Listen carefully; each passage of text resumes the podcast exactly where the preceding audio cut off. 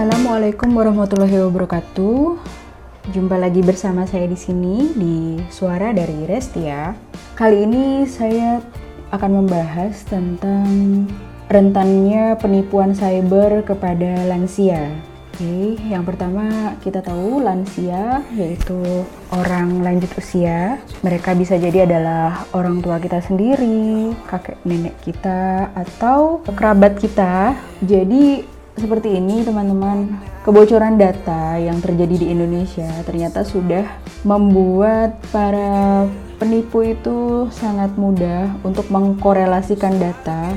Bahkan dari data keluarga kita bisa dikorelasikan ke nomor HP dan mereka bisa saja tiba-tiba menelpon orang tua kita terus tiba-tiba menyebutkan bahwa anaknya misalnya bernama A gitu sedang di rumah sakit. Kemudian A harus ditolong segala macam yang menyebabkan orang tua itu dipaksa terburu-buru untuk transfer sejumlah uang.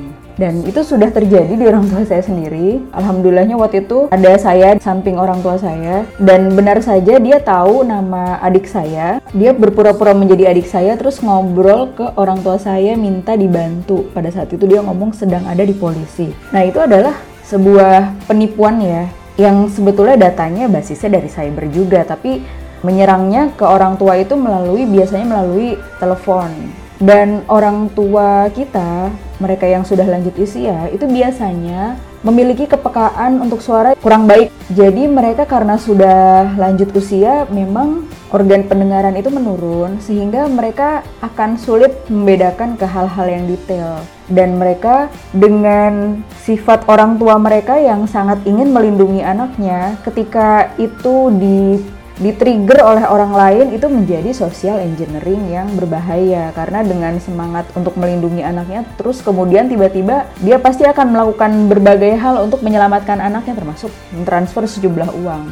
Nah, pesan saya adalah yuk ajari orang tua kita, kerabat kita yang sudah lansia, supaya mereka tahu bahwa ada penipuan yang akan menggunakan data-data keluarga itu untuk melakukan kejahatan. Pertama, sadarkan mereka itu dulu, ada resiko seperti itu. Kemudian, kalau ada mereka mengaku-ngaku sebagai anggota keluarga, menelpon mereka, tanyakan hal-hal yang detail hal-hal yang detail yang nggak mungkin semua orang tahu kecuali keluarga mereka sendiri. Misalnya, sebutkan nama jalan di mana dulu mereka tinggal 20 tahun yang lalu atau 10 tahun yang lalu. Atau sebutkan nama anggota keluarga yang nggak ada di kartu keluarga. Misalnya, nama anak dari paman misalnya. Itu kan nggak ada di kartu keluarga. Nah, sebutkan hal-hal yang detail itu dan itu menjadi password password untuk mengenali bahwa yang menghubungi mereka itu benar-benar mereka, bukan orang lain. Nah, biasanya ini akan menjadi